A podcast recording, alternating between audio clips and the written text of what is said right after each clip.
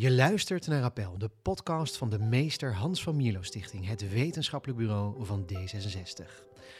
Een podcast waarin we op zoek gaan naar vernieuwende sociaal-liberale ideeën en oplossingen voor politieke en maatschappelijke vraagstukken.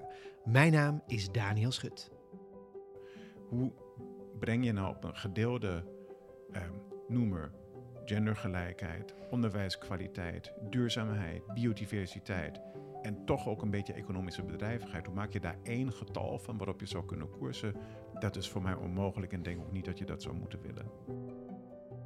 We moeten nodig af van onze verslaving aan cijfers. Dat is althans de mening van Daniel Mugge, hoogleraar politieke arithmetiek aan de Universiteit van Amsterdam. Kille cijfers zijn nog altijd het kompas voor politiek beleid. Zie bijvoorbeeld de leidende rol van het bruto binnenlands product als meetinstrument voor groei. Maar ook alternatieven die breder kijken, zoals de monitor brede welvaart, zijn volgens hem een symbool van onze neiging om alles in cijfers te willen vatten en de morele leegte in onze politiek en samenleving. Met name het hedendaags liberalisme heeft hij last van, schrijft Mugge in een artikel in de nieuwste editie van ID, het tijdschrift van de meester Hans van Mierlo Stichting. In deze aflevering van Appel praten we met hem over groei, over cijfers, over brede welvaart en de noodzaak voor een deugdcultuur in met name het liberalisme. Van harte welkom, Daniel. Hey, hallo. Fijn dat je er bent. Uh, Daniel, je bent hoogleraar politieke arithmetiek. Uh, yeah. Van die uh, titel had ik nog nooit gehoord. Je hebt hem ook zelf gekozen, las ik in een interview.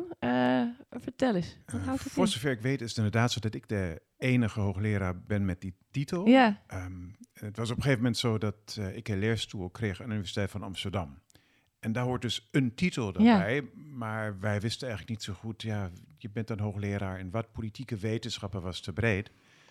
En een collega van mij die zei een beetje gekscherend van nou weet je, eigenlijk moet het politieke arithmetiek zijn. En achtergrond daarbij is, dat is een term uit de 17e eeuw. En dat was eigenlijk uh, de, een, een, een label, een verkooplabel dat de uitvinder van wat je vandaag dag misschien uh, evidence-based policy making zou kunnen noemen, of kostenbatenanalyses. Ja. Het gebruik van cijfers in de politiek. Diegene die dat heeft uitgevonden, die wilde dat slijten aan koningen en vorsten onder de noemer. Dat is politieke arithmetiek, een hele nieuwe vorm om politiek te bedrijven. Mhm. Nou, vandaag de dag doen we dat ook nog heel veel, alhoewel het niet meer zo heet. En dat is onderdeel van wat ik bestudeer als hoogleraar. Dus die collega van mij die zei van, nou weet je wat, jij moet gewoon hoogleraar politieke arithmetiek worden. En die lachte een beetje daarbij, maar ik was er wel voor. En ik dacht van, nou weet je wat, dat vind ik nou, dat vind ik nou leuk. Ook een beetje met een knipoog daarbij, dus laten we dat gewoon doen. En de universiteit die vond het ook wel een goed idee? Ik weet niet of ze daar heel erg goed naar hebben gekeken. Dus ik heb me wel afgevraagd, de college van bestuur, of die misschien ook beter zaten te slapen. Maar zo ja, vind ik het best. Wie was die 17e eeuw trouwens? Die dat, uh... Uh, dat is een William Petty heette die. Um, en nou, de kern van de zaak was dat hij zei van... Um, als jij koning bent, en het ging toen over de Britse kroon, en die had Ierland als kolonie en die wilde dat beheersen, dat land, met allemaal opstanden en hele bloedige oorlogen. En die William Petty zei van, nou, als je dat effectief wil doen, als je effectief beleid daar wilt voeren, dan moet je niet stoelen op tradities of religieus geloof of onderbuikgevoelens, maar wat je nodig hebt zijn cijfers. Waar wonen die mensen? Hoeveel hebben ze te eten? Wat voor werk hebben ze? Dit soort zaken. En als je door zo'n spreadsheet feitelijk een bevolking in kaart kunt brengen, dan kun je ook effectief regeren en overheersen. Mhm. Dat was een beetje zijn idee. En dat is natuurlijk iets wat, misschien gaat het dan vandaag de dag wat minder over overheersing, maar besturen door de spreadsheet is nog een modus waar we steeds nog heel erg in zitten. Ja. Dat vind ik wel grappig dat je het zegt, want we, eigenlijk zeg je dus, tegenwoordig roept iedereen daten, daten, moeten we overal data verzamelen en het wordt gebracht als iets van echt 21ste eeuw. Maar eigenlijk is het een soort erfenis van de verlichting zelfs uh, uit die tijd, dat je ja, bestuurt per, per spreadsheet eigenlijk.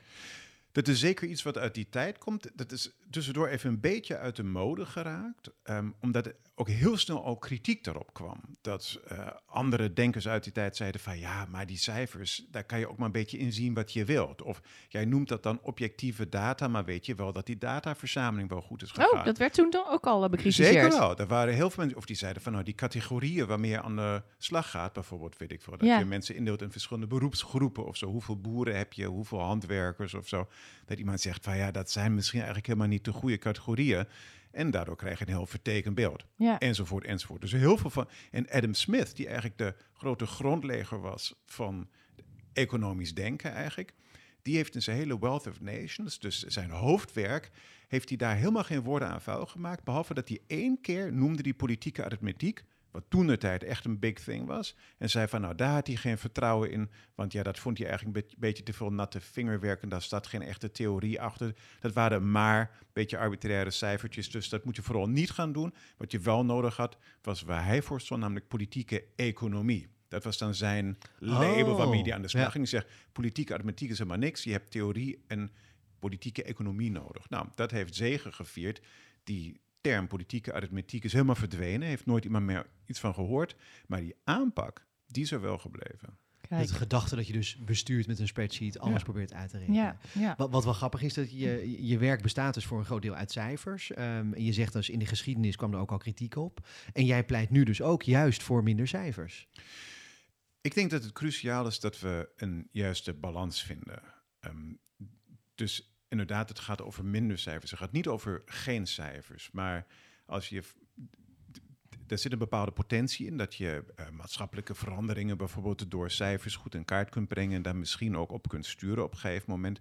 Maar ik denk inderdaad dat we in een tijdperk zijn beland waar we daar net iets te veel vertrouwen in hebben dat dat een soort van universeel gereedschap is dat je eigenlijk zo'n beetje over alles, op alles kunt toepassen. En daar denk ik niet alleen dat we overschatten wat wij met cijfers kunnen, maar dat we daardoor ook andere vormen van kennis, andere vormen van dingen aanpakken, andere vormen van consensus bereiken over wat nou de juiste weg is, eigenlijk uit het oog verliezen en te zeer in die cijfermatige modus zitten. Want hoe ziet dat eruit? Je noemt het in een, eh, in een interview met de Groene Amsterdammer, hè? zeg je van we zijn verslaafd aan cijfers.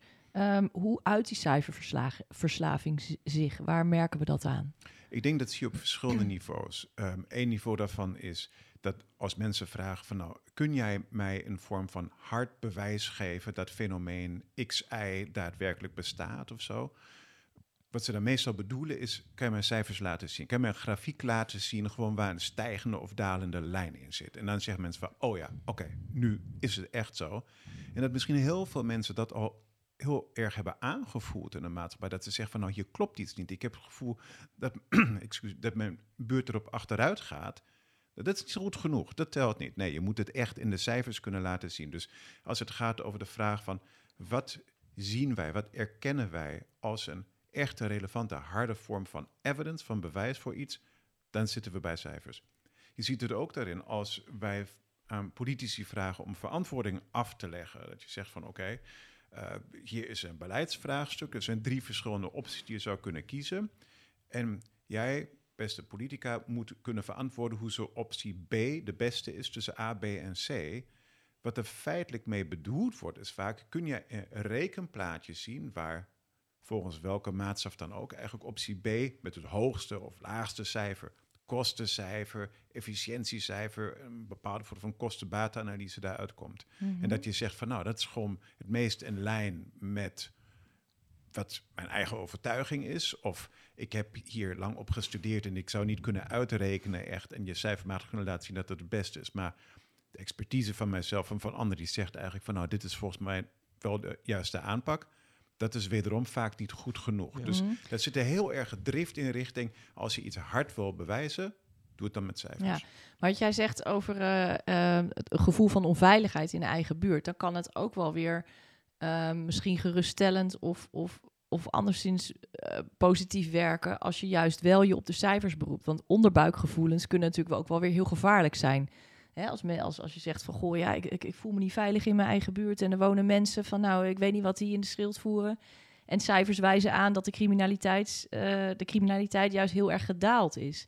Dus het, het, het kan ook wel juist positief werken of, of, of, constructief werken om uh, op cijfers te vertrouwen en soms die onderbuikgevoelens te nuanceren daarmee. Absoluut. Ik denk dat het punt ook eerder is dat je bij elk cijfer wel moet afvragen. Dus dan heb ik het over bepaalde indicatoren die we inderdaad gebruiken voor veiligheid, misschien voor hoe het gaat met het opleidingsniveau in Nederland. En hoe verder wij denken dat wij de manier waarop we dat cijfer gebruiken, dat wij daar beter van worden, dat het ons meer inzicht verschaft. Of dat misschien de kosten die daaraan vasthangen, omdat we daardoor weer andere dingen over het hoofd zien, bijvoorbeeld, dat die zo groot worden dat we in hoe wij inzicht winnen in een bepaald vraagstuk, dat we daar moeten bijsturen. Dus het punt is niet zozeer cijfers zijn goed of cijfers zijn slecht, Maar dat je telkens een beetje, beetje soort uh, uh, schoonmaken houdt in je eigen cijferapparaat dat je gebruikt om de wereld te zien. En dan de vraag stelt, in hoeverre is dat nog de juiste manier, zijn dat nog de juiste cijfers, de juiste meetmethodes, om eigenlijk die dingen in beeld te brengen waar het ons echt om te doen maar is. het klinkt heel veel genuanceerder dan een cijferverslaving uh, identificeren. Verslaving is echt wel slecht en daar wil je echt wel vanaf. Nou, ik denk dat die cijferverslaving, dat dat zeg maar in eerste instantie is dat wij als wij een bepaald probleem in kaart willen brengen, dat we direct naar cijfers uh, kijken. Dat is eigenlijk de hoofdmoot van waar krijgen wij onze uh, feiten over de wereld vandaan. Voor veel mensen hangen die twee toch ook heel erg samen. Dat cijfers zijn feiten. En als ze om feiten vragen, dan hebben ze het feitelijk over cijfers.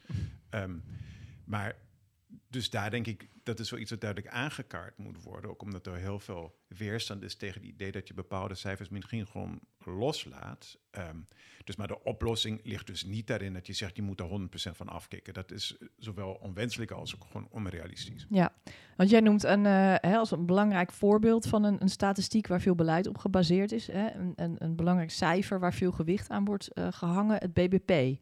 Um, hoe, hoe gaat dat in zijn werk? Hoe, wel, welke rol dat speelt dat? binnenlands product. Ja, dat is, dank uh, voor ja. de... ja. wat, uh, wat houdt het precies in en, Ja, wa- en- hoe komt dat dan tot stand?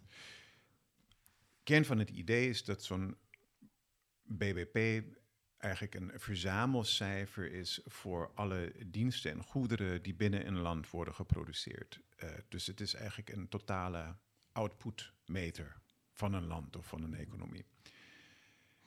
En er zijn zeker momenten waar het zinvol is om een kaart te willen brengen. Uh, zijn wij al dan niet in staat in Nederland anno 2022 om meer te produceren dan we dat één jaar geleden, vijf jaar geleden, tien of twintig jaar geleden hebben kunnen doen? Dat, dat, dat geeft onder meer aan of er een bepaalde soort dynamiek in de economie zit of ook niet. Maar tegelijkertijd zijn er ook bepaalde negatieve kanten van op die manier naar de economie kijken. En de kosten die dat behelst, dat wij op die manier daarnaar kijken, die worden steeds groter voor mijn gevoel. Het BBP maakt geen verschil tussen vormen van economische bedrijvigheid die wij wenselijk vinden. Bijvoorbeeld dat we eh, voor elkaar zorgen, ook als daar geld bij een rol speelt, tussen ziekenhuizen en kinderopvang en dit soort dingen. Um, maar ook dingen als dat wij ons milieu misschien beter maken of um, duurzame investeringen doen om aan een betere toekomst te bouwen. Dat is goede groei, wat mij betreft. Maar dat is ook slechte groei uh, als er geld mee wordt verdiend, dat we feitelijk de, de, het milieu kapot maken of dat we elkaar in de weg zitten of dat daar uh, wapens worden geproduceerd waarmee mensen elkaar vervolgens te lijf gaan. Dat is slechte groei wat mij betreft. Dat, dat zou wat mij betreft zo mogen verdwijnen. En op het moment dat je dat allemaal op één hoop gooit, zie je eigenlijk vertroebelt dat heel erg het beeld over van nou zijn we nou als maatschappij goed bezig Ja. of niet. Het is maar net hoe je goed definieert dan ook. Zeker wel. En ik Ja. denk, ik denk daar kunnen we een discussie over Ja. hebben natuurlijk. Wat, Maar- zijn, wat zijn die elementen die wij wenselijk Ja. vinden en wat niet? Maar om te zeggen van als dat ding in zijn geheel, dus die groeihoop, als die groter wordt, zijn we goed bezig. En als die kleiner wordt, slecht. Dat is denk ik een beeld waar wij als maatschappij niet meer veel beter van worden. Maar vanuit liberaal perspectief kun je ook de vraag stellen: moet je überhaupt dan wel willen oordelen over het soort economische groei wat er is en het soort productie wat er is? ik denk van En kun wel. je, dan, kun je dan niet beter maar gewoon tellen wat mensen betaald hebben en wat het dan is en wat het voor waarde heeft opgeleverd?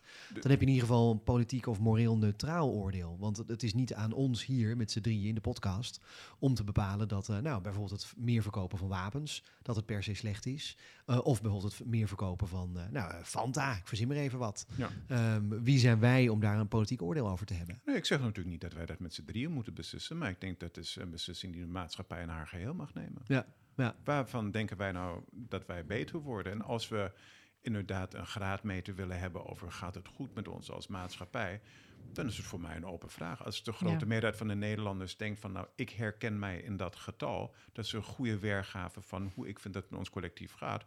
Nou, prima, be my guest. Ja. Het wordt, eigenlijk, het wordt dus eigenlijk niet democratisch ter discussie gesteld. Het feit dat we dat getal gebruiken, zeg je daarmee ook eigenlijk. Het is er gewoon en er wordt niet aan, aan mensen gevraagd van vinden we het nou goed dat op die manier eh, bepaald wordt hoe het met ons gaat. Is dat een spiegel waarvan wij denken dat die ons als vorm van zelfbespiegeling Ja. helpt om een goede weg voorwaarts te Ja, vinden? ja. En dat denk ik niet. En Daniel, jij had het net over de zeg maar, economisch, uh, economisch kompas, uh, dat dan misschien moreel gezien neutraal is. Maar goed, dan kan je alsnog in ieder geval zeggen van hoe gaat het nou met de economie.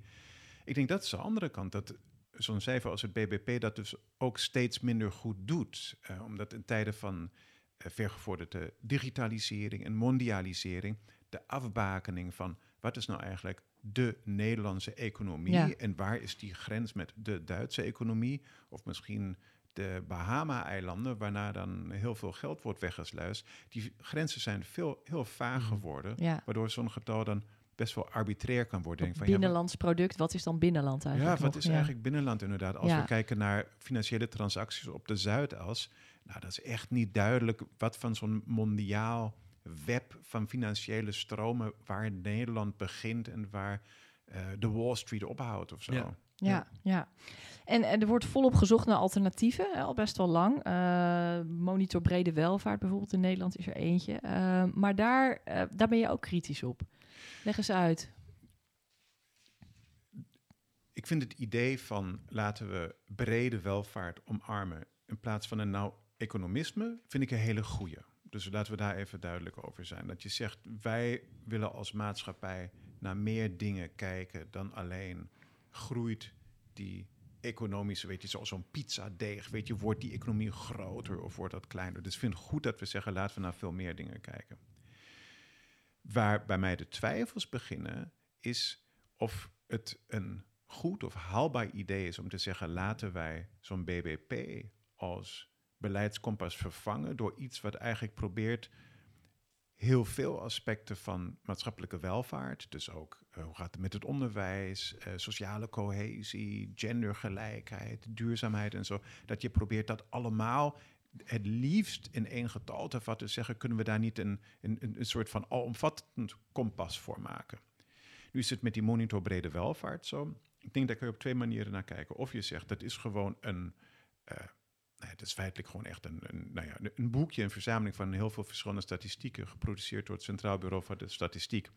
Waar je zeg maar in één oogopslag, 30, 40 pagina's of zo, gewoon, weet je, als je daar er doorheen bladert, dan zie je heel veel aspecten van de Nederlandse maatschappij voorbij komen. Die worden daar even in kaart gebracht. Veiligheid, gevoel van veiligheid en dit soort dingen. En dat je dat zo in zo'n compendium bij elkaar hebt, vind ik uitermate nuttig.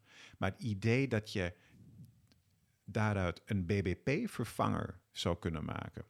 Dat legt voor mijn gevoel de lat te hoog. Want die afweging tussen hoe breng je nou op een gedeelde eh, noemer gendergelijkheid, onderwijskwaliteit, duurzaamheid, biodiversiteit en toch ook een beetje economische bedrijvigheid. Hoe maak je daar één getal van waarop je zou kunnen koersen?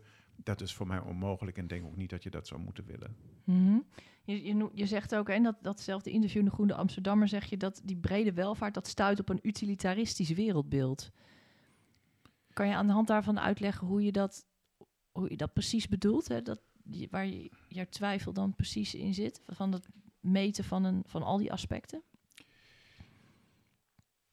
Ik denk dat in sommige van die uh, alomvattende plaatjes die dan gemaakt worden, die proberen heel veel facetten van wat wij belangrijk vinden uh, te integreren en mee te nemen. Dat er soms een gevoel in zit dat je uh, daar zo'n bepaalde uitruil van zou kunnen maken. Dat je zegt van oké, hoe kunnen we dit totaalplaatje optimeren? In die zin van oké, als we dan hier een beetje veiligheid verhogen, gaat dat misschien een beetje ten koste van innovatie elders in de maatschappij. Maar dat je dat eigenlijk probeert, dat is nog steeds een optimaliseringsoperatie. Hoe kunnen we dan welvaart maximaliseren? Um, daar zit voor mij dat, dat utilitaristische aspect in. En dat is een aanpak die mij voor het gevoel een beetje te technocratisch is op een gegeven moment. Um, je zegt daarmee dus eigenlijk utilitaristisch is de, de praktijk van het identificeren van een waarde, daar een getal op plakken en dat getal dan zo hoog mogelijk maken. Daar komt het voor mijn gevoel op neer. Dat is een, een aanpak, ook een manier van politiek bedrijven waar ik op een gegeven moment een beetje de emotie, het hart, als ik in die metafoor mag spreken, een beetje de rechter hersenhelft op een gegeven moment mis. Mhm. Ik denk dat de bedoeling uitermate goed is. En zoals ik ook net zei, ik vind ook het idee van dat je van een economisme overstapt naar een veel breder perspectief van wat het leven levenswaard en wat de maatschappij goed bezig maakt. Dat vind ik een goede zaak. maar ik denk dat het vervolgens, dit gebeurt maar aan één kant, als het ware, van het menselijk bestaan. Namelijk dat we proberen ons bestuurlijk apparaat daar verder op in te richten. En dat we daar nog meer statistieken, nog meer meetmethodes, nog meer beleidsplannen, nog meer kostenbatenanalyses op loslaten. Maar daar blijft voor mij toch een beetje een leegte achter, waar ik denk van ja, dat is maar de helft van het verhaal wat, van wat het nodig heeft om een. Is, is die leegte wel overbrugbaar in, uh, in de politieke arena? Wat, ik eigenlijk bedoel is dit. Um, je gaf net in het begin heel goed aan dat Um, cijfers worden gebruikt in een politieke discussie. Dus zowel vooraf als ik beleid wil gaan introduceren als politicus, dan laat ik een ambtenaar, laat ik dan uh, een bureau inhuren om een maatschappelijke kostenbaatanalyse te maken. En dan zeg ik tegen, uh, tegen de raad waar ik in zit, of in de staat of in de Kamer, zeg ik nou, op basis van al mijn due diligence vooraf kan ik zeggen, dit besluit heeft uh, deze waarde, optimaliseert het zoveel mogelijk. Dus daarvoor gebruik je de MKBA, maatschappelijke kostenbaatanalyse. En achteraf, dan word je ter verantwoording geroepen als minister bijvoorbeeld. En dan kan je zeggen, nou ja, ik heb wel echt al het onderzoek gedaan. Ja. Um, in dat hele politieke debat um, worden politieke spelers afgerekend op wat ze daadwerkelijk fysiek gedaan hebben. En niet wat ze uh, er diep van binnen bij voelden. Tuurlijk speelt het een hele grote rol um, bij alles wat een, elke politieke speler doet. Maar, maar die subjectieve ervaring van dingen, dat is in de publieke ruimte heel moeilijk uh, te bespreken. Anders dan via een cijfer.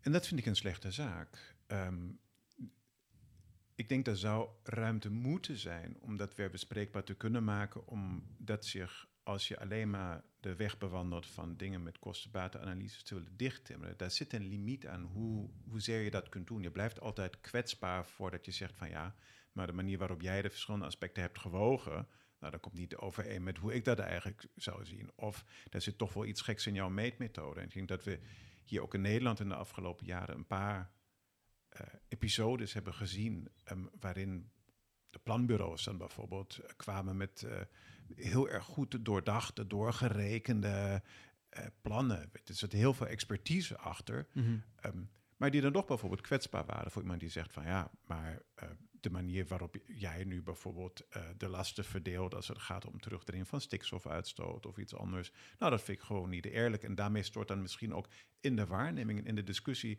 zo'n hele aanpak een beetje in elkaar. Omdat daar zeg maar een, een residu dat er was waar je toch op een gegeven moment een beslissing moet nemen. En dat gaat dan gewoon echt over je gevoel van wat is fair. Maar, dat, maar, dat gesprek over fairness kun je ook alleen maar voeren als je wel die cijfers hard op tafel hebt liggen. Dus bijvoorbeeld hè, over stikstof hebben we met z'n allen eigenlijk gewoon het hele dossier een beetje genegeerd. Um, terwijl de cijfers eigenlijk al wel duidelijk waren. En hadden we nou maar eerder gewoon gezegd, stikstof is toch echt wel een probleem en we doen wel alsof we aan het reduceren zijn. Maar dat is eigenlijk helemaal niet zo. Want kijk, het ligt daar nog steeds en het wordt nog steeds uitgestoten. Um, dan had het gebruik van die cijfers die discussie misschien juist sneller vlot kunnen trekken en sneller eerlijk op tafel kunnen leggen. Ik denk dat je, zeg maar, als het gaat om het aankaarten van zo'n probleem, dat je daar enorm gebaat bent, was en nog steeds bent bij het gebruik van die cijfers. Maar als het gaat op wat is nou het beleid dat we hier als antwoord op moeten voeren en hoe krijgen we dat draagvlak voor, waar ermee niet komt, is een ingekleurde kaart van de RIVM. Dat is gewoon, dat schiet tekort. Het idee dat je daarmee dat probleem kunt oplossen, dat geldt op heel veel leidersmannen. Daarom ook mijn pleidooi voor dat de, de, ene helft van het beleid, daar zijn we volgens mij hier ook in Nederland heel erg goed in. Als het gaat om die cultuur van die planbureaus. Het, het rationele. Ja, het Centraal Bureau voor de Statistiek is echt... Uh, zeker als je kijkt wat voor een klein land Nederland eigenlijk is, is wereldwijd echt het enorm, geniet enorm veel aanzien. Het is echt een hoogstaand instituut. Fantastische kwaliteit van het werk wat daar wordt geleverd. Maar, zeg maar, daar kan je misschien, ik weet niet hoeveel het zijn, maar 60, 70, 80 procent van het beleid krijgen daarmee dichtgetimmerd. Maar uiteindelijk heb je toch ook, moet je een consensus bereiken als het bijvoorbeeld gaat om de fairness. Hoe worden de kosten van zo'n beleid, als we even bij stikstof blijven, hoe worden die verdeeld dwars door de maatschappij? En dan komen opeens vragen, heb ik als boer in Gelderland het vertrouwen daarin dat de mensen in Den Haag, maar even zo te noemen, dat die daadwerkelijk empathisch zijn. Ja. Dat die echt gewoon even hun hart hebben opengezet, even hebben gevoeld wat het met mij ja. doet als we dat hier allemaal omgooien. En op het moment dat ik dat gevoel niet heb, nou, dan ben ik gewoon kwaad en dan voel ik me niet gezien en niet gehoord. Dus daar komt eens een menselijke kwaliteit erbij. Dat wij ons moeten afvragen, En dus er zijn er wel meer van die deugd die, die ik denk die wij daar missen. Maar zonder die empathie, daar kun je het nog zo goed doorgerekend hebben. Je krijgt een maatschappelijke draagvlak niet. En daarmee krijg je ook geen effectief beleid. Mhm. Toch is het interessant in dat stikstofdebat. Dat, uh, je noemt nu die boeren die dus zich niet kunnen herkennen in de cijfers die er zijn van het RIVM over die stikstofuitstoot. Um, wat er nu wel gebeurt in het politieke debat, is dat die boeren dan hun eigen meetmethode er tegenover stellen. Dus ze zeggen, niet, ze zeggen niet van ik ben teleurgesteld en jullie hebben geen empathie voor mij. Ze zeggen jullie meten verkeerd en ik heb hier een ander cijfer, zet ik er tegenover. Ja. Dat is waar ze nu voor pleiten. Hoe zie je dat dan? Kijk, dat zeg maar met dat dat je zo'n dynamiek krijgt van expertise en tegenexpertise. Ik denk dat ze inderdaad een heel gangbaar middel. Maar ik denk dat we natuurlijk ook voorzichtig moeten zijn met te zeggen de boeren dit, de boeren dat. Ja, ja, uh, natuurlijk heb je een professionele uh, belangenvereniging die ook wel weet hoe de hazen lopen hier in Den Haag. En dat je, dat, dat een adequaat middel is. Um, ik ben geen expert op die stikstofcijfers, dus, dus hoe solide zo'n onderzoek is of niet, dat kan ik gewoon niet zeggen. Maar dat dat een adequaat middel is om daar uh, bepaalde discussies open te breken en misschien ook weer voer te leveren voor andere politieke partijen die in oppositie zitten, dat snap ik ook wel. Maar ik denk naast misschien een belangenvereniging die zegt van laten we met counter-expertise komen aanzetten, heb je daarnaast denk ik wel degelijk ook gewoon heel veel mensen. Ik woon zelf ook in een rurale omgeving waar ik ook gewoon die, die omgekeerde vlaggen zie. En als ik met mensen spreek ergens op een buurtborrel of zo, waar heel duidelijk het sentiment komt van ja, daar, daar wringt iets uh, qua gevoel. En ik kan me daar uiteraard ook iets bij, bij voorstellen. Um, en dat is niet eens zozeer dat men bijvoorbeeld denkt dat die cijfers allemaal helemaal niet kloppen of zo. Maar als het gaat om, ben ik bereid om te accepteren dat er beleid wordt gevoerd wat misschien mij in eerste instantie niet goed uitkomt, dan ben ik veel eerder bereid om dat te doen. En dat zeg ik ook gewoon echt even als persoon, als Daniel hier. Ben ik veel eerder bereid om dat te doen als ik het gevoel heb dat daar iemand zit die dat beleid heeft gevoerd, die dus inderdaad open heeft gestaan voor mijn kant van het verhaal. Iemand die bereid zou zijn als aan wordt getoond dat die cijfers niet kloppen, uh, te zeggen van oké, nou misschien hadden we toch bij het verkeerde einde en zo. Maar mijn indruk is dat ook dat debat dermate verhard is, überhaupt uh, dat toegeven van fouten, luisteren naar anderen, een bepaalde terughoudendheid, uh, empathisch zijn, zich genereus opstellen tegenover anderen. Dat zijn nou niet waarden die we heel breed uitgedragen zien in hoe politici zichzelf positioneren in het openbaar en ook hoe ze worden, worden weergegeven. En dus die laatste maal van oké, dat is niet, misschien niet in mijn belang, het beleid, maar ik kan er toch mee instemmen die mis je dan. Ja. Ik moet ook steeds eigenlijk denken aan de coronacrisis. Hè? Toen, toen letterlijk het hele beleid gebaseerd werd op cijfers van ziekenhuisopnamen en aantallen besmettingen. En we zelf collectief aan een cijferverslaving leden door elke dag te kijken op de NOS van oh, zijn die cijfers weer wat naar beneden? En Rutte en de jongen die steeds zeiden de cijfers, de cijfers. Um, hè, uh, dit, ja, is dit dan een, een voorbeeld inderdaad ook van zo'n cijferverslaving? Um, en waarbij die andere uh, aspecten van hè, gevolgen van de lockdowns en dergelijke dan minder, uh, minder gehoord werden?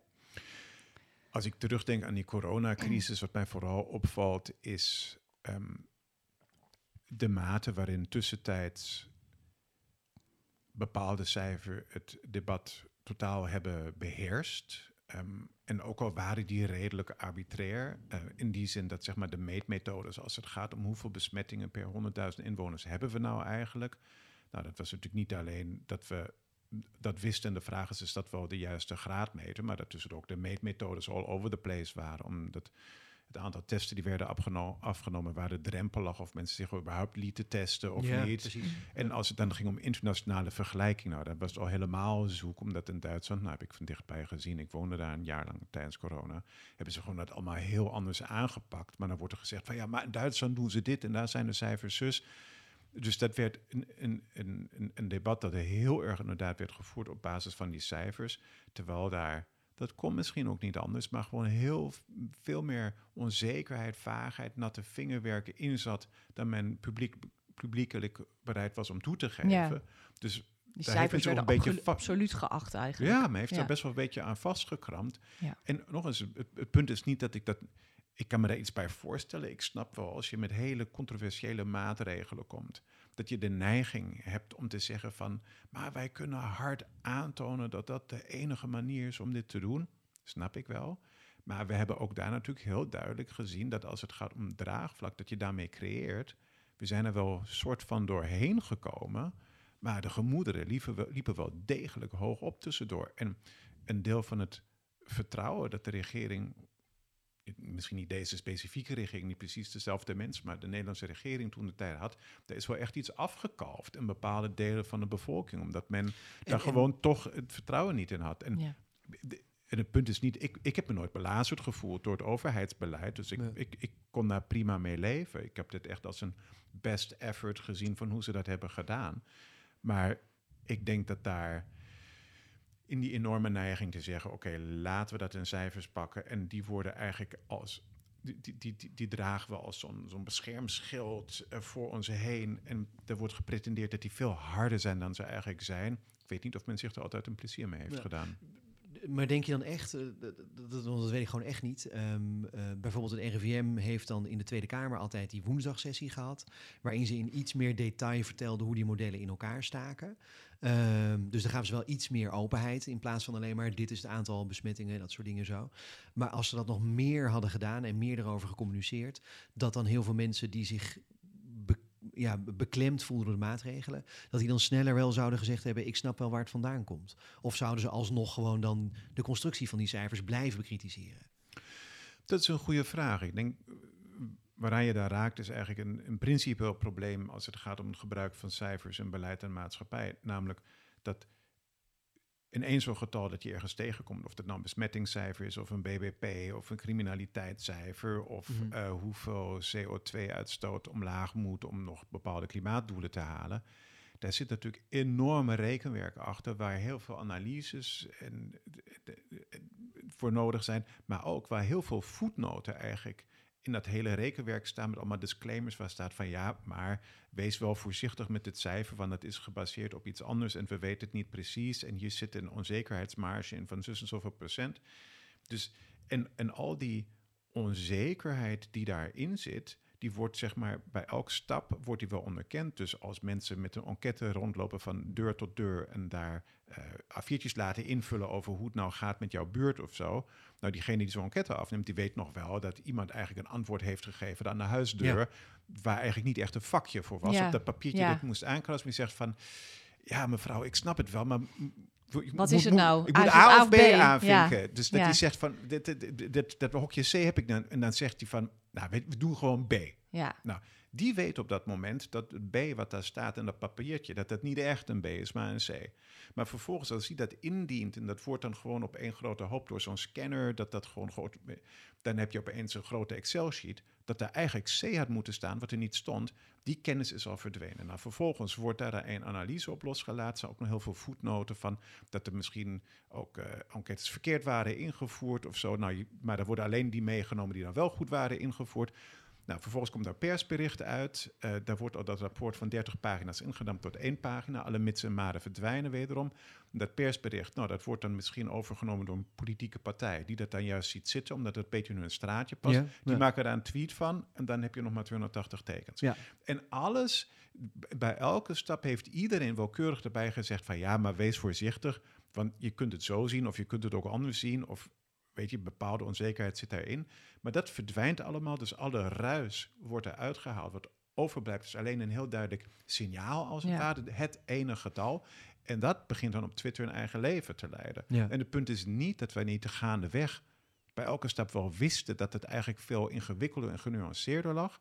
Maar dat telkens de mensen die daarmee aan de haal gaan een stelselmatige prikkel hebben om te zeggen van laat al die mitsen en maden maar ja. weg. Geef mij maar het cijfer waarmee ik de hort op kan. Ja, en dat, hè, het, het, het niet willen maken van die belangenafweging van die mitsen en maren, dat getuigt volgens jou uh, van een politiek van morele leegte. Um, dat zei je in dat interview in ieder geval. En daar heb je ook een, uh, over die morele leegte, daar heb je ook een artikel over geschreven voor ons tijdschrift Idee. Um, hè, dan verbind je dat, dan zie je dat vooral in het, in het liberalisme, uh, die morele leegte. Kan je eens uitleggen wat je daarmee bedoelt en hoe zich dat in die praktijk uh, uit? Ja. Ik denk dat vele vormen van het modern liberalisme eigenlijk uh, heel erg hebben ingezet op een vrij technocratische vorm van bestuur. zo'n idee was een beetje zo'n zo'n live and let live, dus leven en laten leven. Dat was een bepaalde vorm van hoe je dan liberalisme inkleurt als een bepaalde definitie van vrijheid. Jij doet jouw ding, ik doe mijn ding, precies.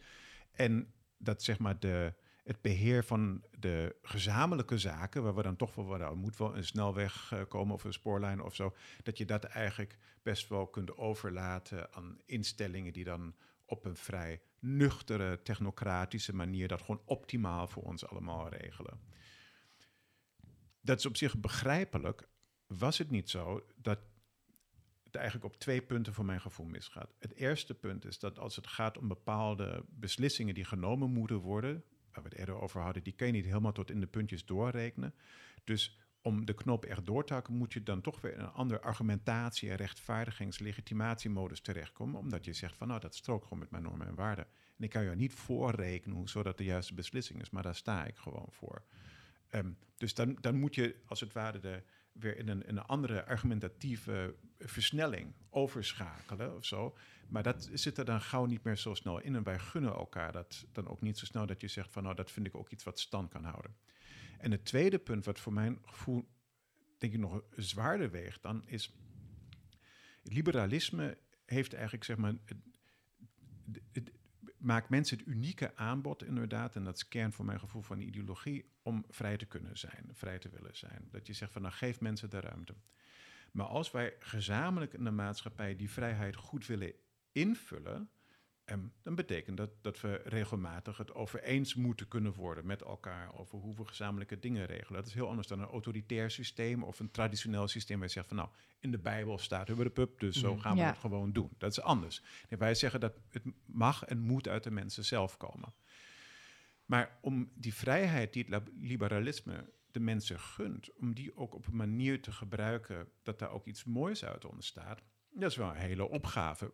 En dan heb je heel veel van die individuele deugden nodig. Dat je uh, uh, elkaar uh, toestaat dat je, dat je fouten maakt. Bijvoorbeeld dat je zegt van nou, jij hebt iets uitgeprobeerd.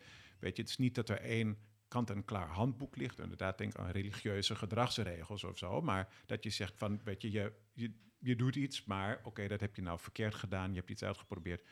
Mensen moeten fouten kunnen toegeven, maar moeten elkaar ook kunnen vergeven. Um, andere deugden, als je dan hebt van nou, dat, je, dat je wel uh, genereus bent tegenover andere mensen. En dan niet omdat dat utilitaristisch gezien heel handig is om dat te zijn. Maar omdat je zegt, het is gewoon een goede zaak als mensen een groot hart hebben tegenover andere mensen. Die nou, minder geld hebben of op andere manier ondersteuning nodig hebben en zo. En die waardes, dat is iets wat ik eigenlijk veel meer terug zou willen zien niet alleen ergens in een beleidsstuk, dat er ergens staat, nou wij voeren dit beleid omdat we denken onderwijsongelijkheid moet aangepakt worden of zo, maar gewoon ook echt in het dagelijkse gedrag van politieke en bestuurlijke kopstukken. En daar zie ik dat voor mijn gevoel te weinig. Ik vind niet dat wij nu een politiek veld voor ons zien waar veel van die politici en ook misschien uh, andere, ja, zoals ik zei, bestuurlijke kopstukken, gewoon echt per se als karaktervoorbeelden op het toneel verschijnen. Mhm. Want dat heb je volgens mij wel nodig. Dat je zegt van, oh ja, ik snap het, jij bent niet perfect, jij maakt ook fouten, fouten, maar ik zie dat jij het goed bedoelt, dat jij het goede wilt doen. En daarom ben ik bereid jou ook die fout, ook die politieke fout te vergeven. Er zitten wel twee aspecten aan wat je zegt. En als ik nu het eerste aspect eruit pak, het tweede aspect is dat je als politicus moet je een leefstijl uitdragen kunnen we het zo nog verder uitgebreid over hebben. Maar dat eerste is dat je zegt, nou ja, het liberalisme van oorsprong is heel erg een stroming van leven en laten leven. En iedereen moet zelf voor zichzelf. En de overheid mag er vooral niet in ingrijpen. Maar, maar is dat niet een beetje een wat ouderwetse opvatting van een bepaalde stroming binnen het liberalisme? En zijn er ook niet heel veel andere varianten van het liberalisme? Ik denk bijvoorbeeld aan hè, het nieuw liberalisme, wat dan het sociaal liberalisme is geworden. Uh, maar bijvoorbeeld ook Marta Nussbaum heeft hierover geschreven. Deirdre McCloskey heeft erover geschreven, vrij recent. E-, econoom van origine is ze. Um, die inderdaad juist eigenlijk zegt, nou ja, zelfs het kapitalisme ehm, leeft alleen maar op bepaalde deugden. En die deugden komen eigenlijk voorop. En kapitalisme, liberalisme en hoe ze het verder ook wil noemen, zijn allemaal middelen om die deugden uh, verder te realiseren. En dat zijn dan deugden als, uh, nou ja, ze maakt het heel plat, hè, dat als je een eigen onderneming hebt, dan moet je wel op tijd opstaan om hard geld te verdienen. En je kunt niet mensen oplichten met je contracten en je diensten die je levert. Um, je moet eerlijk zijn. Dus eerlijkheid noemen ze ook als deugd. Dus er zijn toch ook heel veel stromingen binnen het liberalisme die juist wel deugden voor opstellen? kijk, het is natuurlijk absoluut zo als je, als je doordenkt, überhaupt de hele deugdethiek, nou, daar, daar ga je duizenden jaren terug. Weet je, Ja. dat vind je bij Aristoteles, vind je dat in detail, maar net zo ook bij Ja. Confucius en andere ook Oosterse denkrichtingen. Dat is natuurlijk absoluut niet dat ik dat nu heb verzonnen. Maar in het liberalisme, zoals, of zeg maar die, die bestuurlijke aanpak die ik hier deze dagen beproef, daar mis ik dat aspect. Ehm, dat, dat is, dat is Even heel kort tussendoor voor dege- degenen die geen ethiek hebben gestudeerd. Eh, Wat is ook weer het verschil dan tussen deugde ethiek aan de ene kant en dan heb je de utilitaristische en aan de andere kant deontologische. Wat is het verschil daartussen? Eh, kijk, filosoof ben ik ook niet. Ik zou Nee, even eh, zeggen hoe ik dat zelf voor me zie. Is voor de deugdethiek, wat ik daarmee eigenlijk bedoel, dat is misschien ook een, dat is een uitnodiging om even zelf toe te lichten wat dat Ja. voor mij Mhm. betekent. Ja, misschien precies. eh, Ja. luisteren nu filosofen die zeggen van, nou, ja, dat is iets heel anders. Maar wat ik daarmee eigenlijk bedoel is eh, dat we vragen naar wat betekent het om een goed mens te zijn? En wat zijn karaktereigenschappen waar wij, waarvan wij vinden dat die horen bij een goed mens? En dat je niet zozeer nadenkt over als je een bepaald vorm van gedrag uit, dan heeft dat die en die consequenties ergens down the line. En vandaar, daarom vinden wij dat goed. Nee, dat we zeggen dat is inherent een goede zaak als je vergevingsgezind bent, Ja. als je genereus bent, als je moedig bent, als je wel ook op een gepaste manier voorzichtig bent, als je eerlijk bent. En hoe dat dan later uitpakt, nou, daar mag je misschien wel rekening mee houden, maar dat is niet dat je ook je eigen gedrag helemaal kunt rechtvaardigen, omdat je zegt aan het einde van de rit gebeurt dit en dat. En als je dat wilt optimaliseren, dan is een bepaal- bepaalde vorm van gedrag dan nu misschien gepast. Nee, dat je denkt van wat is inherent. En voor mij betekent dat gewoon wat zijn karaktereigenschappen. En op het moment dat ik daar zo over nadenk, wordt het ook heel snel heel duidelijk. Wat zijn karaktereigenschappen bij andere mensen die ik waardeer? Als Ja. ik opkijk tegen mensen, als ik denk van wauw, wat goed van jou dat jij dat Mhm. doet. Dat jij eerlijk bent, dat jij opstaat in de trein om iemand anders te laten zitten. Of heel veel van die kleine dingen. Ik denk van wauw. Mhm. Maar daarmee zeg je dus, wat, wat deugdelijk is, staat dus eigenlijk niet vast. Hè? Dat, dat moet ieder voor zich, eh, eh, ieder voor zich heeft daar bepaalde Wij- wij met gedachten elkaar. over. Ja. Wij met elkaar. Dat is volgens mij. daar zit voor mij een beetje het verschil in. Sorry dat ik jou net onderbrak. Ehm, d- d- dit, is, dit is niet iets waar ieder gewoon voor zichzelf op moet studeren. Mhm. Uiteindelijk ben je, dat is natuurlijk een hele liberale gedachte, ben je zelf verantwoordelijk voor je eigen gedrag. Mhm. En mag en moet je zelf kiezen wat je doet.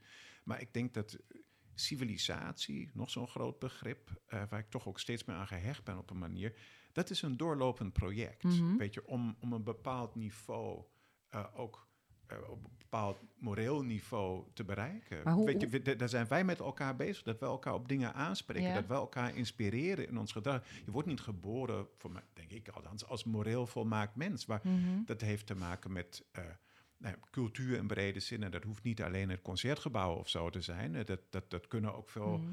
de andere vormen van cultuuruiting zijn, maar die toch telkens weer meewerken aan. Of je had het net over civilisatie, noem het beschaving. Mhm. Dat is ook een doorlopend project. Dus daar denk ik is het in gesprek met elkaar dat wij uitvinden. Maar en, en, en, en dat aspect van dat wij ook als maatschappij proberen onszelf en elkaar te verheffen. Te zeggen, hoe kunnen wij nou aan dat project van laten wij met elkaar samen vrij worden, die vrijheid op een manier gebruiken dat wij ons daar goed bij voelen, denken dat wij daar beter van worden. Dat is voor mij ook een politiek project. En, en op het moment dat we dat doen, denk ik, dan wordt liberalisme voor mij een fantastisch aantrekkelijk project. Want dat wordt een, dat is, dat is een, een, een, een, een, een, collectieve, collectief bevrijdingsproject. Maar op, eh, op, op, op klein, in kleine kringen en misschien nog zelfs op lokaal niveau, in lokale gemeenschappen, klinkt dit prachtig en klinkt dit best als een reële gang van zaken. Maar hoe zie je voor je dat we ons collectief met alle verschillen. Nou, we hadden net in het voorgesprek al even over Twitter, waar we toch allemaal heel eh, best wel ongelukkig eh, van worden regelmatig. Dat we eh, collectief tot een soort overeenstemming komen over wat deugdelijk gedrag is. Nou, Dat, dat, ja, dat zie ik niet helemaal voor me. Dat is een goede, is een goede vraag, maar voor mijn gevoel is er veel meer insgezindheid daarover dan je misschien zou veronderstellen. Ehm, twee concrete voorbeelden. Ehm, heel veel mensen hebben volgens mij best wel veel ontzag voor Pieter Omzicht. Als het gaat over opiniepeilingen van wie vind je nou een goede of een tegere politicus. Nou, hij is iemand die doorgaans daar heel positief uitblinkt.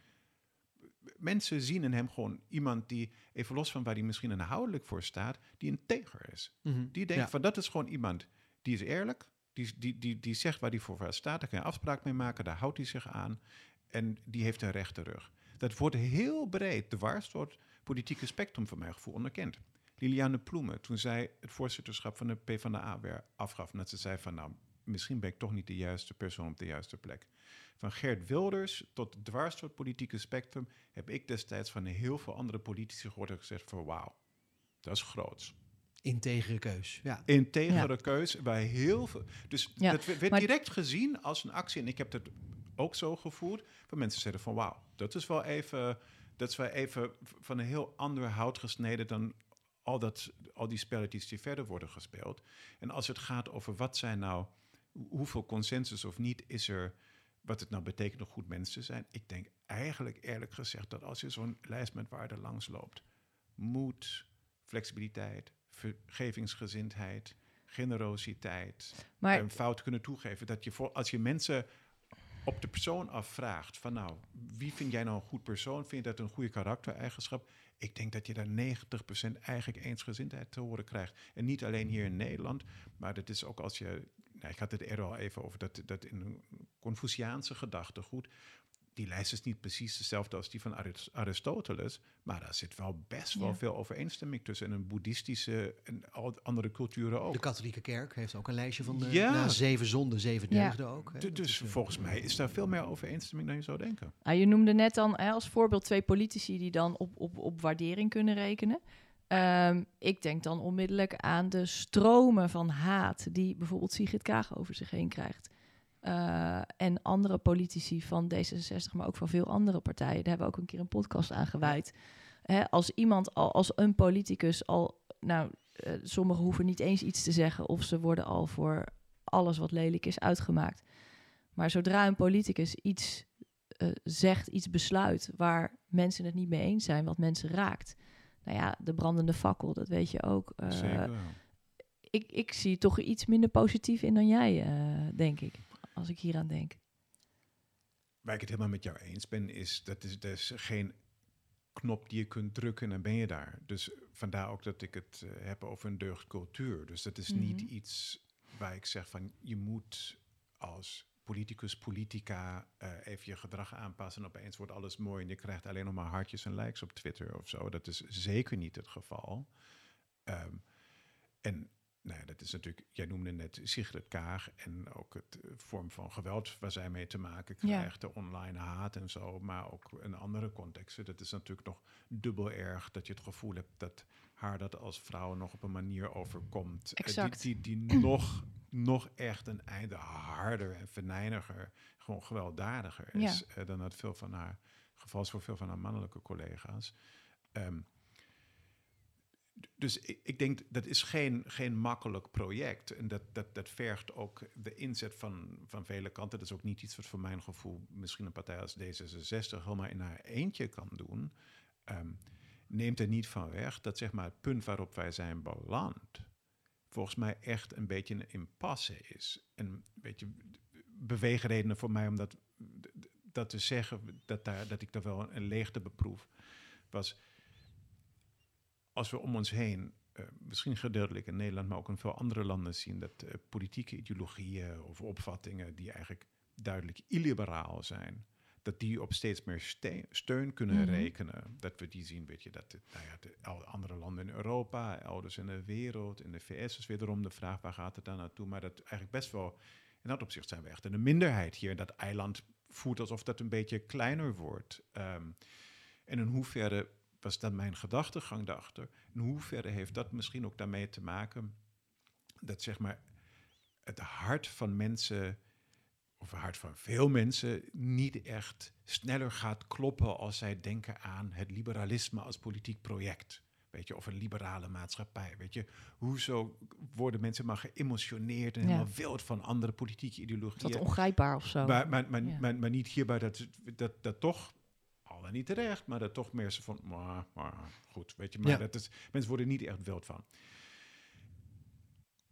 En dat is eigenlijk de basis eh, voor mijn gevoel dat, daar, dat er iets ontbreekt. Een, een emotionele component, ook iets wat, wat mij als mens raakt, wat mij in mijn hart raakt. En dan ben ik dus snel bij, bij de vraag in hoeverre is het liberalisme niet alleen een leven en laten leven gedachtegoed, ieder zijn ding. maar toch ook iets wat een, een collectief project is. Iets, iets wat mij meewoont in, iets wat mij iets te bieden heeft dat meer is dan gewoon, bij ons mag je je eigen ding doen.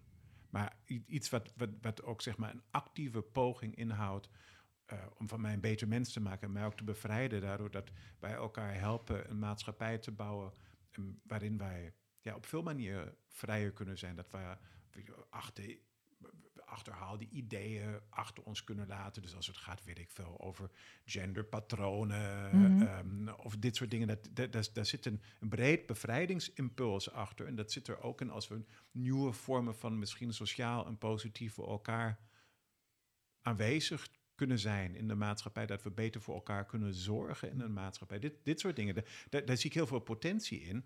En als dat voor mij de boodschap was, en we hadden het eerder over het BBP, daar geef ik ik ben in een redelijk bevoorrechte positie. Ik heb het economisch goed genoeg. Ik hoef me ook even geen zorgen over te maken. Dus dat is ook heel belangrijk. Maar het, het, het, project wat, wij, wat mij veel meer zou raken, zou een, een beetje een, een collectieve maatschappelijke actie zijn om, om te kijken hoe kunnen wij, hoe kunnen wij de next level bereiken. Mhm. Als mensen, als maatschappij, in de manier hoe, hoe we ons tot elkaar verhouden. Daar zie ik daar, daar word ik enthousiast van. Dan denk ik van, wauw, wat, van, wat voor een fantastisch project zijn. En hoe armoedig vind ik dan autoritaire politieke projecten, die we, hm. of dat nou in Rusland of elders, dan denk ik, ja, wat, hoe, hoe stom vind ik dat dan, vergeleken met iets waar we zeggen, wij kunnen hier samen iets moois bouwen. Nu, nu gaf ik dus net al aan hè, dat er de takken in het sociaal liberalisme of takken in het liberalisme daarvan zijn. Uh, maar eigenlijk hoor ik je nu dus zeggen van er, is een, er, is een, zijn varianten van het liberalisme die dat wel doen, die dus een positief ideaal schetsen. Maar, maar je ziet ze niet en je roept ze op om dat misschien nog uitgebreider te laten zien. Moet ik, moet ik het zien als een oproep? Sociaal liberalisme, laat je meer horen? Is dat... Uh... Laat je, nee, en ik wil eigenlijk toch de mensen meer zien. Um, ja. Je had het net over hoe als je je kwetsbaar opstelt als politicus en zeker als politica, dat is dat natuurlijk nog, nog extremer. Um, ja, dat je dan inderdaad kwetsbaar bent en dat je ook heel snel aangevallen wordt. Ik zie het al voor me als de D66-Kamerleden en politici nou, gaan oproepen tot ja. uh, moreel ja. uh, deugdzaam gedrag. Ik zie de, de, de, berichten al binnenkomen. Nou ja, sterker nog, dat woord wordt natuurlijk al gebruikt uh, bij, bij, Hoeken van Geen Stijl. Dan word je Precies. deugdmens wordt je genoemd. Dus dan, dat is een raar soort conflict, hè, dat je...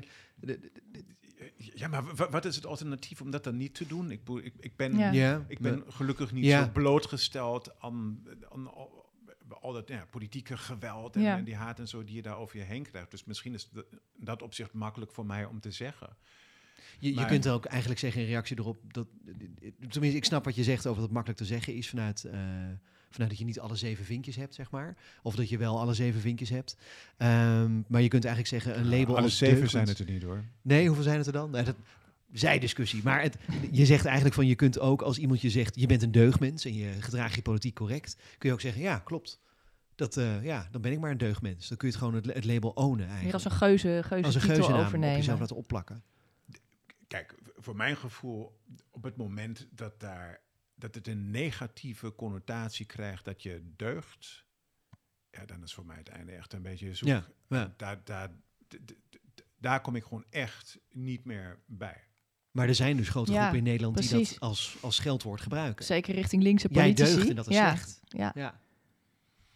Goed mens. Goed mens, uh, inderdaad. Precies, dat zeggen ze ook. Dat is, uh, ja. ja. kijk, de, daar is dan inderdaad zo, misschien ben ik daar te weinig of juist weinig genoeg op Twitter dat zeg maar dit soort dingen mij, mij dan ja, dat ik dat niet zo tegenkom en dan misschien dan nog een beetje naïef uh, um, daarin dat dit soort discours mij niet, uh, niet zo vertrouwd is. Nee. Maar ik denk dat uiteindelijk zeg maar de verschillende labels voor mij daar ook minder toe zouden doen dan gewoon echt het, het gedrag dat je laat zien. En dat, dat gewoon, als we gewoon mensen echt vragen, voor mij is het op een manier nog steeds redelijk simpel. Als we gewoon vragen, wie vind jij nou een voorbeeldige politicus, politica? Wat vind jij uh, een zuivere, een coole actie?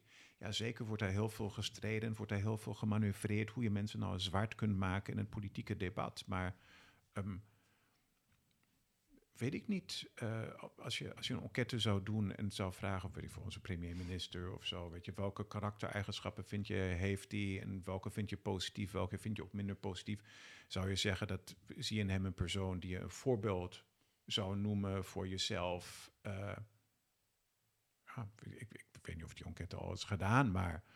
ik ben toch bang als je vraagt wie vind jij voorbeelden van goede politici, dat er toch wel wat antwoorden uitkomen waar wij niet allemaal even blij mee zullen zijn. Dus er toch wel heel veel vinkjes bij Baudet worden gezet. ja, maar, maar, en consorten. maar ook bij Pieter Omzicht. Uh, Dat is volgens mij, als, als, als, burgers volgens mij rapportcijfers geven voor politici, nou dan is hij, als ik het goed zie, toch eigenlijk iemand die daar, die daar regelmatig aan kop daar uitkomt. En dat heeft volgens mij precies daarmee te maken dat mensen dat in hem wel zien. En voor redenen waar, waar ik denk van, ja. ik snap het wel. Dan het laatste, dat is, uh, want we moeten ook langzamerhand afronden, maar het, het, laatste is misschien wel belangrijk dat um, de, die perceptie van, van dat iemand deugt of dat iemand authentiek of integer is, dat is net als waar we het in het begin over hadden, de constructie van cijfers, is natuurlijk ook een constructie. Um, we noemen nu het Pieter Omzicht als voorbeeld, uh, dat hij zich in toeslagenaffaire zo heldhaftig heeft opgesteld. Tegelijkertijd uh, is het ook zo dat de hele aanloop naar de toeslagenaffaire, ja, je kunt het niet hardop helemaal zeggen, maar toch is het wel een beetje zo. Hij heeft eraan bijgedragen. Dat was in het hele debat over de Bulgarenfraude. Het werd opgeroepen, de overheid moet strak ingrijpen. Met cijfers en modellen nog wel. En wie liep er toen voorop? Pieter Omtzigt. Um, maar hij heeft er heel goed met een hele slimme mediacampagne en ook daarna in het rechtzetten daarvan in het uh, de Tweede Kamerdebat, heeft hij eraan gewerkt om toch het imago te hebben van iemand die wel heel deugdelijk handelde. Dus eh, in hoeverre moet je dan ook iets als constructie van authenticiteit en constructie van deugdelijkheid, moet je dat ook at face value nemen? Als je daar een enquête van afneemt, of moet je gewoon zeggen, ja, dat is ook weer een cijfermatige constructie en dus ook niet al te serieus nemen? In hoeverre dat nu bij Pieter Omzicht zo was, dat dat een hele slimme publiciteitstruc was, dat hij eigenlijk uh, zijn oudere rol hierin misschien kon ombuigen naar iets wat positief werd waargenomen. Van hoeverre dat ook echt een kwestie van voortschrijdende inzicht was, hm. waar iemand gewoon heel eerlijk zei van, ik zat, ik, ik zat fout, ik, ik heb dat, uh, nu, nu, nu snap ik beter wat je aan de hand is. Um, dat kan ik niet beoordelen. Ik ben dus wellicht naïef, maar ik ben dus wel. Ik, ik, mijn waarneming was wel van dat je iemand was moment dat hij zich dan hard maakte voor bepaalde publieke zaken, uh, misschien ook op een manier die anders was, wat hij misschien het beleid dat hij eerder had gesteund. Maar ik heb dat wel als eerlijk beleefd, als iemand die mhm. er daadwerkelijk um, mm. achter stond. En, en daar geldt dus wederom voor mij. Um, ik denk dat is geen makkelijke klus, maar ik zie het alternatief niet Um, weet je, als, als wij als het ware in zo'n defensieve modus ons de hele tijd blijven indekken, zeggen van nou, we kunnen bepaalde dingen niet zeggen, want dan worden we uitgemaakt voor deugdmens. We kunnen eigenlijk zelfs een persoon uh, waarvan wij vinden dat die hele goede dingen doet, kunnen we alsnog niet vertrouwen, want dat zal alleen maar wel gespindokter zijn. Um, ja, dan is voor mij de einde zoek. Dan, ik, ik zie even het alternatief niet tot toch naar buiten gaan en te zeggen van hier staan wij voor, wij doen dit en laten we kijken hoe wij voor dit collectieve project zielen kunnen winnen. Ja. De tijd is denk ik voorbij dat mensen die uh, liberaal politiek gedachtegoed omarmen zich kunnen veroorloven om gewoon achterover te leunen en zeggen van ja, weet je, wij zitten dusdanig stabiel in de zadel. Um, zelf als niet iedereen daar helemaal wild van is wat wij hier doen, um, het zou toch nooit gebeuren dat zeg maar, of dat nou D66 is of andere partijen die daar een beetje ergens in de hoek zitten. Maar weet je, dat, dat, zal wel de mainstream van de Nederlandse politiek blijven. Nou, daar hebben we genoeg andere landen gezien. Uh, de VS loopt daar voorop. Maar waar je wel hebt gezien met Donald Trump, dat er opeens hele andere dingen kunnen gebeuren. Als je gewoon, zeg maar, dat, dat, dat fundament en die support laat afkalven. En er loopt de tijd voor zo'n politieke aanpak. Dus ik denk te zeggen van ja, oké, daar zijn wel mensen die zijn, het is onrust, daar is onvrede, vertrouwen is niet meer wat het maar was. Maar ja, ha, weet je, hoe erg zal het worden? Nou, potentieel best wel erg. Ja, um, Dus ik, ik, zeg maar, om, om daar misschien dan toch op een gegeven moment een beetje de aanval te kiezen en te zeggen van laten we zo'n nieuwe, laten we daar, daar, daar offensief weet je, met al onze hart staan voor wat wij echt bedoelen en willen. En dat ook uitdragen en ook zichtbaar maken. Ik weet niet of daar een echt alternatief voor is. Ja, ja mooi. Het is uh, tijd voor onze vaste slotvraag. Ja. Um, om het even uh, politiek concreter te maken. Uh, stel, je was minister. Ik heb even zitten twijfelen welk departement dan het beste bij je zou passen. Misschien wel cultuur of economische zaken. Of... Onderwijs. Ja, kan van alles eigenlijk zijn. Ja. Um, wat minister jou... van levensbeschouwing. ja. precies. Minister van deugden. Ja.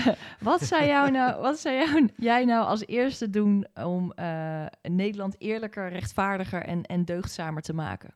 Welke beslissing zou je morgen nemen? Je vraagt om één. Het zijn er toch twee. Dat mag. Um, ja, want het ene aspect is.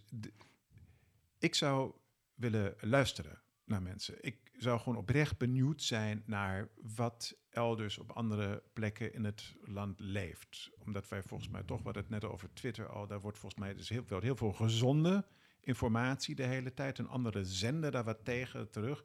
Maar dat heeft niks te maken met gewoon echt luisteren naar elkaar, elkaar willen begrijpen. Dus wij zitten wel in een, daar wordt veel gecommuniceerd, maar er wordt weinig geluisterd. Voor mijn gevoel. Mhm. En dat is echt iets, nou, uh, nog zo'n deugd, waar ik denk van, nou, daar zouden we wel uh, meer van kunnen doen.